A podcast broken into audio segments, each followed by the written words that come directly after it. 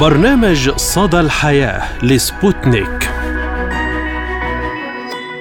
مرحبا بكم مستمعينا الكرام في حلقة جديدة من برنامج صدى الحياة. نقدمه لكم أنا عماد الطفيلي. وأنا فرح القادري. نتحدث اليوم عن مواضيع متنوعة وأهم أخبار الترند لهذا الأسبوع. ونبدأ الحلقة بموضوعنا الرئيسي حول الذكاء الاصطناعي ومدى أهميته في حياتنا اليومية.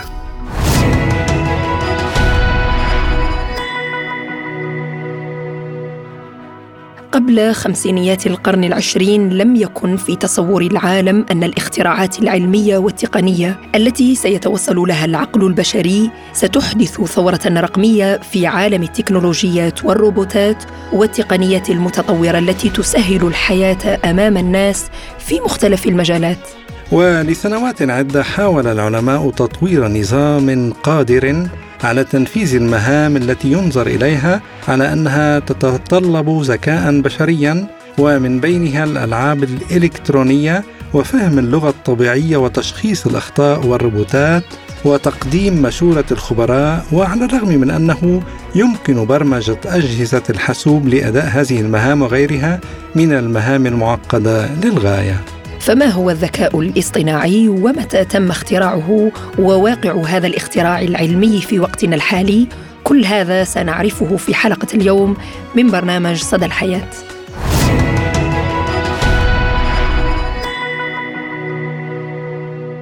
إن أول عمل جوهري في مجال الذكاء الاصطناعي قام به عالم الرياضيات ورائد الحاسوب البريطاني ألان تورينغ حيث أعلن تورينغ في عام 1950 أنه في يوم من الأيام سيكون هناك آلة يمكنها مضاهاة الذكاء البشري بكل طريقة وإثبات ذلك من خلال اجتياز اختبار متخصص ولن يتمكن الإنسان من تمييز الآلة عن الشخص بالإجابات.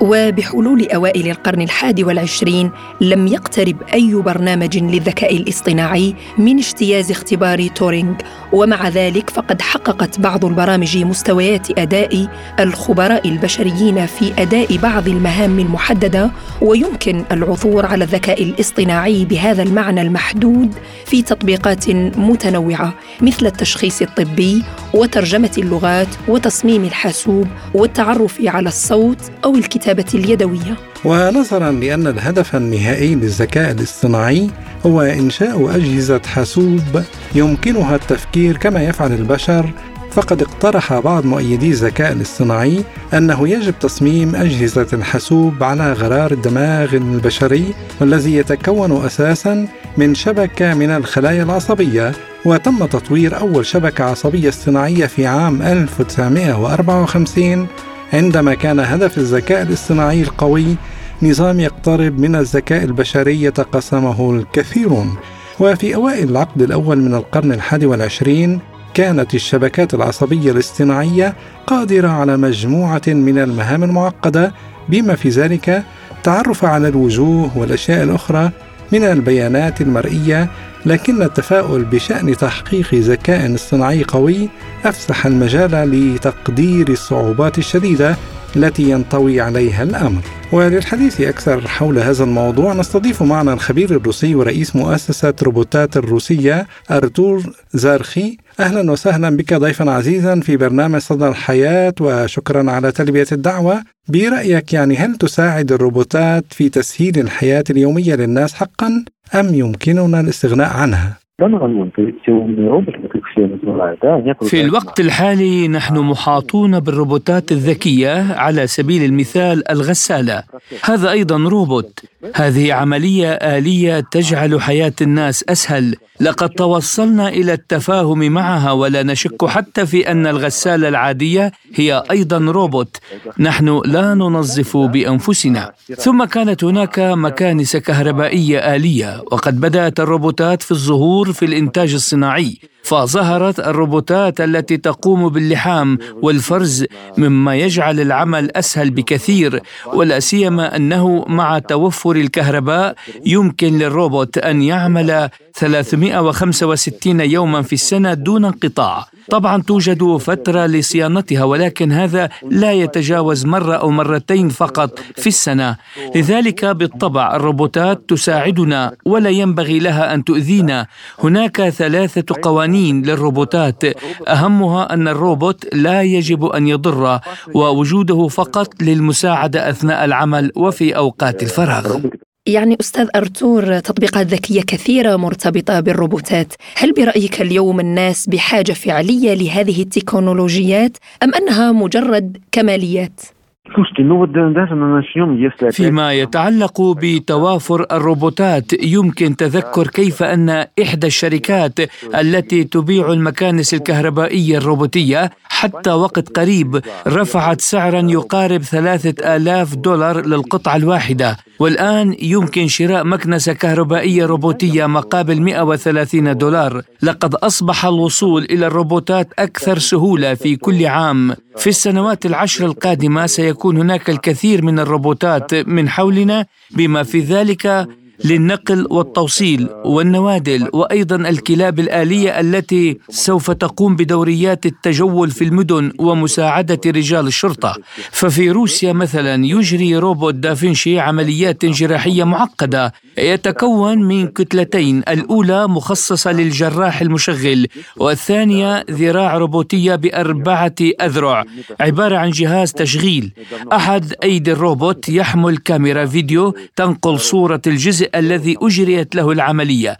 بينما يعيد الاثنان الأخريان إنتاج الحركات التي يقوم بها الجراح في الوقت الفعلي بينما تؤدي اليد الرابعة وظائف مساعد الجراح. يجلس الطبيب الجراح عند جهاز التحكم مما يجعل من الممكن رؤية المنطقة التي أجريت عليها العملية بتقنية ثلاثية الأبعاد مع تكبير متعدد ويستخدم أذرع تحكم خاصة للتحكم في الأدوات. يقوم هذا الروبوت بعمليات معقدة للغاية. لا يستطيع الشخص القيام بها. يقوم الروبوت بعمليات مجهرية دقيقة. كان من المستحيل القيام بها في السابق. ما الفرق بين الذكاء الاصطناعي والروبوت الآلي؟ وبرأيك ما هي إيجابيات وسلبيات الذكاء الاصطناعي؟ يتم تدريب الذكاء الاصطناعي بمساعدة الشبكات العصبية في عملية معينة ثم ينتقل إلى نظام آلي. الذكاء الاصطناعي الذي نريد رؤيته هو شيء مثل ترميناتر. الذكاء الاصطناعي هو عندما نتمكن من تجهيز روبوت به بحيث يتخذ الروبوت القرارات من تلقاء نفسه. ليس وفقا للخوارزمية إلى أننا على سبيل المثال نقوم الآن بتدريب كلابنا الآلية بحيث تسير تلقائيا في الشوارع وتحدد العوائق.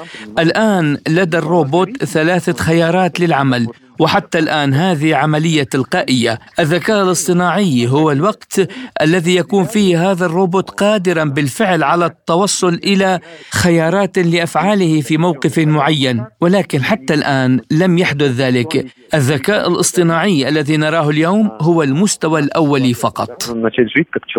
طيب لو نتحدث عن الأطفال اليوم برأيك كيف يساهم هذا التقدم التكنولوجي واستخدام الروبوتات في تطوير ذكاء الطفل وتحسين مهاراته؟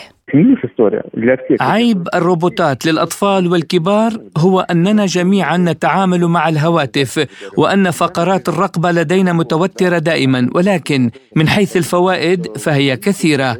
يتمتع الأطفال بفرص تعليمية رائعة بفضل هذه الأدوات. هناك بعض البرامج التي يمكنكم تعلم الكثير من خلالها. خزان المعرفة لطالب المدرسة الثانوية يزداد اتساعا. على سبيل المثال يعتقد الآباء أن طفلهم يجب أن يتخصص بالرياضيات بينما هو يريد أن يكون فنانا. وبفضل حقيقة أن لديه مجموعة من برامج الرسم المختلفة في أداته يمكنه البدء في الرسم وتطوير مهاراته. لذلك يمكن القول بكل ثقة أن الأطفال بحاجة إلى ذكاء اصطناعي وروبوتات للنمو والتطوير ولكن ليس بدون مشاركة الوالدين اللذين يجب عليهما التحكم في كل ما هو على هاتف الطفل فإذا كان لديه ألعاب فقط فهذا لا معنى له. ونستضيف معنا الخبير التقني المختص في الإعلام الرقمي والتقني الأستاذ حسين زيد. أهلا ومرحبا بك في البداية أستاذ حسين. أهلا وسهلا بكم. وشكرا لتلبية الدعوة ويعني هذا العالم الذي نعيش فيه اليوم وكما ترى النقلة النوعية والكبيرة في التقدم الاصطناعي والتكنولوجي ونرى اختراعات كثيرة في مجال الذكاء الاصطناعي والروبوتات. إلى أي مدى ترى أهمية هذه الروبوتات في حياتنا؟ إذا تشكل ثورة آه، الذكاء الاصطناعي امتدادا للثورة الصناعية والرقمية التي بدأت باختراع الكمبيوتر ثم شبكات التواصل الاجتماعي واليوم نصل إلى الذكاء الاصطناعي. آه، بداية اختراع الكمبيوتر والحواسيب بشكل عام ساهمت بشكل أساسي بأمرين أساسيين، الأمر الأول هو السرعة المهمة التي يقوم بها الإنسان بوقت معين يستطيع الكمبيوتر بالقيام بها بما بوقت أقل بكثير ببضع ثواني وربما أحيانا جزء من الثانية. الموضوع الآخر وهو الدقة والمهمات التي يقوم بها الإنسان بشكل ربما تحتمل الخطأ. الآلة مبرمجة على عدم الخطأ وربما أستطيع أن أضيف آه، البعد الثالث وهو بعد آه، قدرة التخزين العالية آه، فللإنسان قدرة محددة للتخزين أما قدرة الكمبيوترات هي قابلة أن تمدد وأن تزداد بشكل كبير. إذا تحدثنا عن ثورة الذكاء الاصطناعي الجديد هو أن الذكاء الاصطناعي يستطيع الآن أن يتعلم من المعلومات السابقة وأن يتعلم من الخبرات السابقة. أجهزة الحواسيب السابقة التي بدأت بثورة صناعة الكمبيوتر كانت تتعامل فقط مع معلومات محددة. الآن الذكاء الاصطناعي لديه وصول أكبر للمعلومات بكميات هائلة غير مسبوقة. لديه وصول إلى قواعد بيانات هائلة لا يستطيع الإنسان أن يصل إليها ولديه قدرة على التعلم من كل تجربة من كل كلمة من كل سؤال ومن كل إجابة هو يجيب عليها التعلم للإجابة التي تليها. آه، طيب يعني هل بعد هذه الثورة التقنية ممكن أن يتعود الإنسان أو يتقبل أن يعيش دون هذه التطبيقات التي ذكرت أنها يعني آه، مهمات كثيرة في وقت قليل؟ آه، عدم الخطأ الاحترافية الدقة. فيعني هل من الممكن أن يستطيع الإنسان الاستغناء عنها أو لا؟ هو في الحقيقة لن نستطيع الاستغناء آه، عنها. إذا قارنا أيضا آه، كما آه، يعني بدأت في المقدمة إذا قارنا اليوم حاجاتنا لاستعمال الأدوات الذكية أجهزة الكمبيوتر والهواتف النقالة وشبكات التواصل الاجتماعي وأنظمة الاتصالات لا نستطيع الآن العيش دونها. سنصل إلى زمن في زمن قريب إلى عدم القدرة على الاستغناء على الذكاء الاصطناعي. هناك الكثير من الوظائف التي ستنتهي بوجود الذكاء الاصطناعي بفترة قريبة يعني بضع سنوات. لن نعود إلى الوراء في هذه الحالة إلا إذا ربما حدث تغير جذري في التطور ربما البشري أو ربما لا سمح الله حرب كبيرة أو تغير معين في الكهرباء أو الطاقة وما إلى ذلك ولكن دون ذلك من الصعب العودة إلى السابق عندما نعتاد على أن تصبح الكتابة والصياغة والتحليل والدراسات والطب والعالم العسكري كله يعتمد على الذكاء الاصطناعي لن نعود إلى الوراء بالطبع. أه، أستاذ حسين يعني ما الفرق بين الذكاء الاصطناعي والروبوت الآلي؟ برأيك ما هي إيجابيات وسلبيات الذكاء الاصطناعي؟ اذا الروبوت الآلي آه، عادة ما يشار إليه عندما يكون هناك hardware هناك مثل روبوت جهاز معين. عادة الروبوت الآلي يقوم بمهمات محددة. حتى الآن الروبوتات التي صنعت حاليا تقوم يا إما بخدمات طبية يا إما خدمات عسكرية يا إما خدمات تعليمية.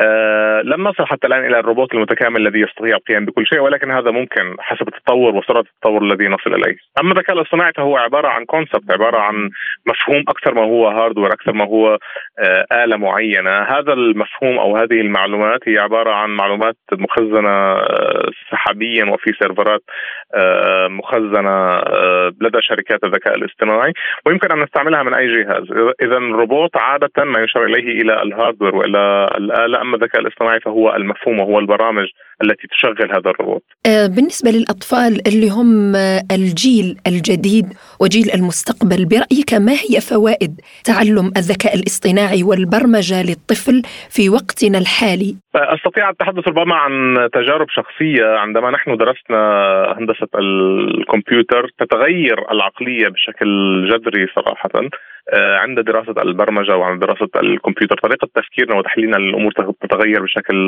جذري.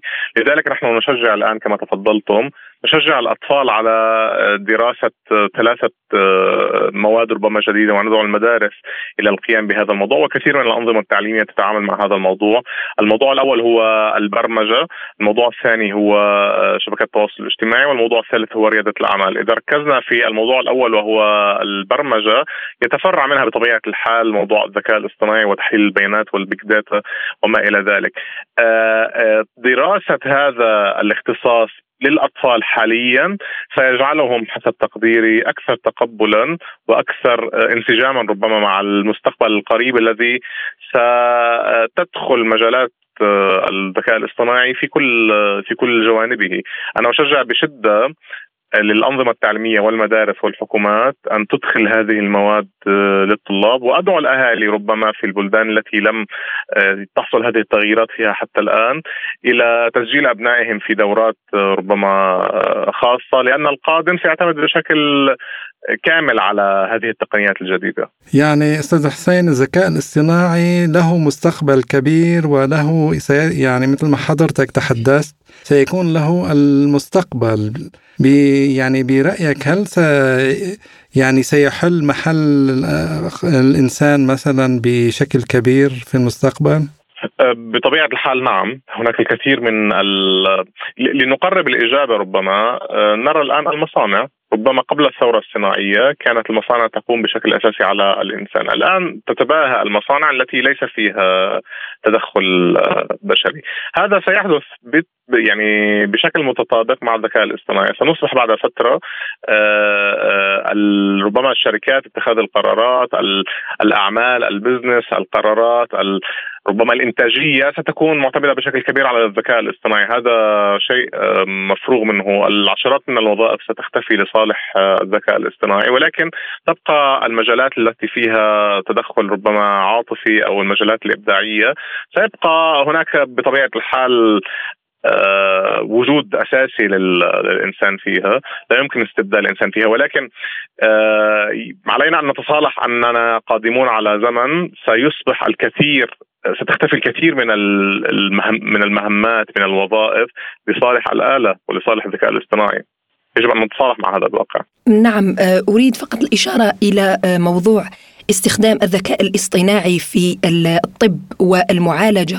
خصوصا يعني مثلا في حالات الجراحة آه، أين تتطلب دقة كبيرة فهل يمكن أن يتقبل الإنسان أن يكون هو المريض والمعالج ليس طبيب إنسان بل هو آلة؟ برأيك؟ أه، حاليا هناك أنظمة تدعم القيام بعمليات جراحية عن بعد. يعني يقوم أه، الطبيب من بلد معين بعملية جراحية عن بعد أه، لمريض من بلد آخر عبر إمكانية ربما الميتافيرس وربما الآلات الدقيقة جدا التي ترصد الحركة بدقة عالية جدا للطبيب كل ما يقوم به الطبيب. في مكان تواجده وتوصله إلى المريض عبر آلة. اذا هناك تمهيد لهذا الشيء. بعد فترة إذا أصبحت هذه الآلة تقوم بهذه العملية ولكن دون الطبيب عن بعد فأظن أننا أصبحنا قريبين من هذا الشيء من هذا التمهيد. آه، بطبيعة الحال الإنسان آه، آه، عدو ما يجهل والإنسان لديه مقاومة على كل ما هو جديد ولكن الوقت كفيل بأن يتقبل الإنسان ما لم يتقبل سابقا. عندما أتت شبكات التواصل الاجتماعي كان الأهالي وربما في مجتمعاتنا تحديدا العربية يرفضون تماما استخدام استخدامنا لشبكات التواصل الاجتماعي.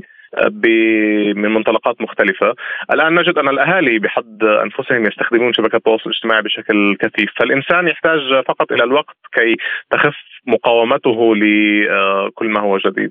نعم المختص في الإعلام الرقمي والتقني حسين زيد شكرا جزيلا لك أستاذ حسين كنت معنا من بيروت. شكرا جزيلا. شكرا لك. شكرا جزيلا يعطيكم العافية. باي باي.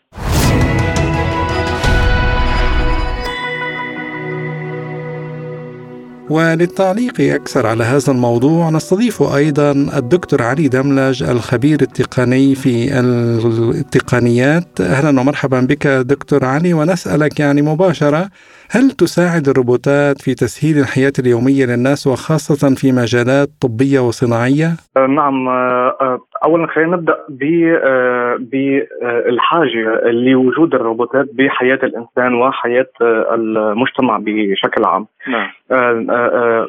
منذ القدم قديما كنا نعتمد على العنصر البشري واللي هو الطبيب أو الحكيم أو المهندس بآرائه الطبية إن كان من ناحية الطب أو بآرائه الهندسية من ناحية الهندسة ولكن اليوم مع ازدياد الأخطاء خلينا نقول الأخطاء البشرية اللي ممكن كانت تحصل بجميع أنواع المجتمعات أو جميع أنواع إذا بدك الأمور الطبية كانت أو الحياتية كان لابد من إيجاد بديل أو حتى لنقول بديل خلينا نقول مساعد لأنه ما انتفى دور آه، الإنسان بهذا المجال. خلينا نقول آه، مساعد.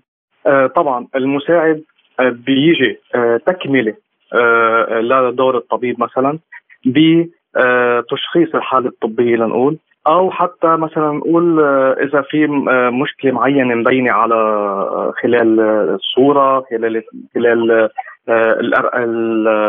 الأمور الطبية اللي ممكن انها تصير مثل آه، صورة ال MRI أو أي صورة ثانية بيتدخل هون الروبوت أو بيتدخل الذكاء الاصطناعي لإظهار أو تحسين رؤية الطبيب لهيدي المشكلة يعني آه، دكتور علي اليوم نرى الاعتماد الكلي تقريبا على هذه التطبيقات والآلات والذكاء الاصطناعي أصبح ضرورة لا استغناء عنها سواء للكبير أو الصغير، كيف ترى الجانب الإيجابي لهذا الاختراع البشري؟ الاعتماد الكلي الاعتماد الكلي هون بنحط تحت آه، آه، خط أحمر. الاعتماد الكلي على الذكاء الاصطناعي أو الروبوتات في مجالات عديدة من حياتنا هو أمر غير مرغوب فيه وأمر غير طبيعي أمر غير طبيعي.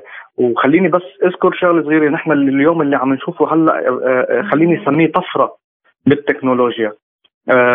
هيدي الطفرة لها حسناتها وإلها سيئاتها. طبعا الحسنات هي بتكون مكملة مثل ما قلنا لدور الطبيب في تحسين الرؤيه وتشخيص الوضع الطبي أو الوضع الصحي للمريض.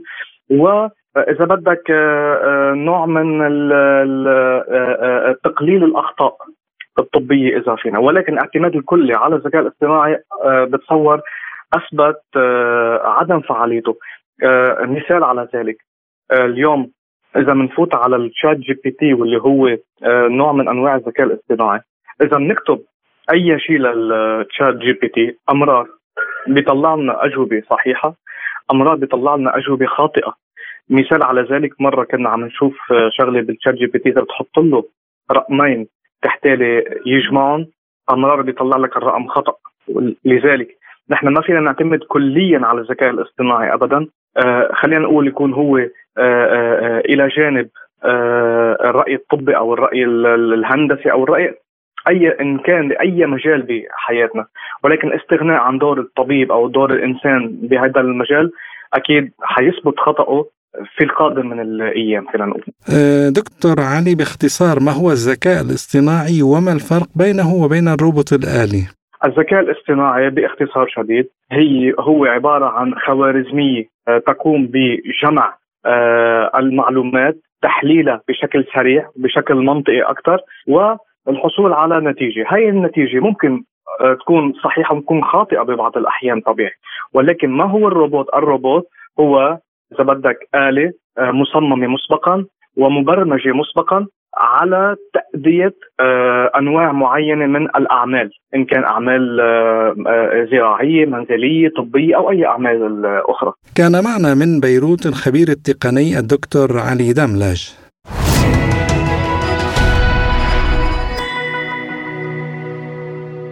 نواصل مستمعينا الكرام معكم حلقة اليوم بأهم الأخبار التي كانت الترند لهذا الأسبوع وما هو أول خبر لديك يا عماد؟ نعم فرح الإعلان عن موعد العرض الأول لأول فيلم سينمائي صور في المحطة الفضائية الدولية لأول مرة يعني في تاريخ هذا إنجاز طبعاً. نعم قال منتجو فيلم التحدي السينمائي الذي صورت أحداثه على متن المحطة الفضائية الدولية المحلقة على ارتفاع 400 كيلومتر فوق سطح الأرض من إخراج الروسي كليم شيبينكا وشارك في تصوير الفيلم رائد الفضاء المحترف أليغ نوفيتسكي الذي قال إن المخرج شيبينكا والممثلة يوريا بيريسيلل ساعدا على إتقان فن التمثيل السينمائي وسيعرض في دور السينما الروسية بدءا من 20 إبريل نيسان المقبل.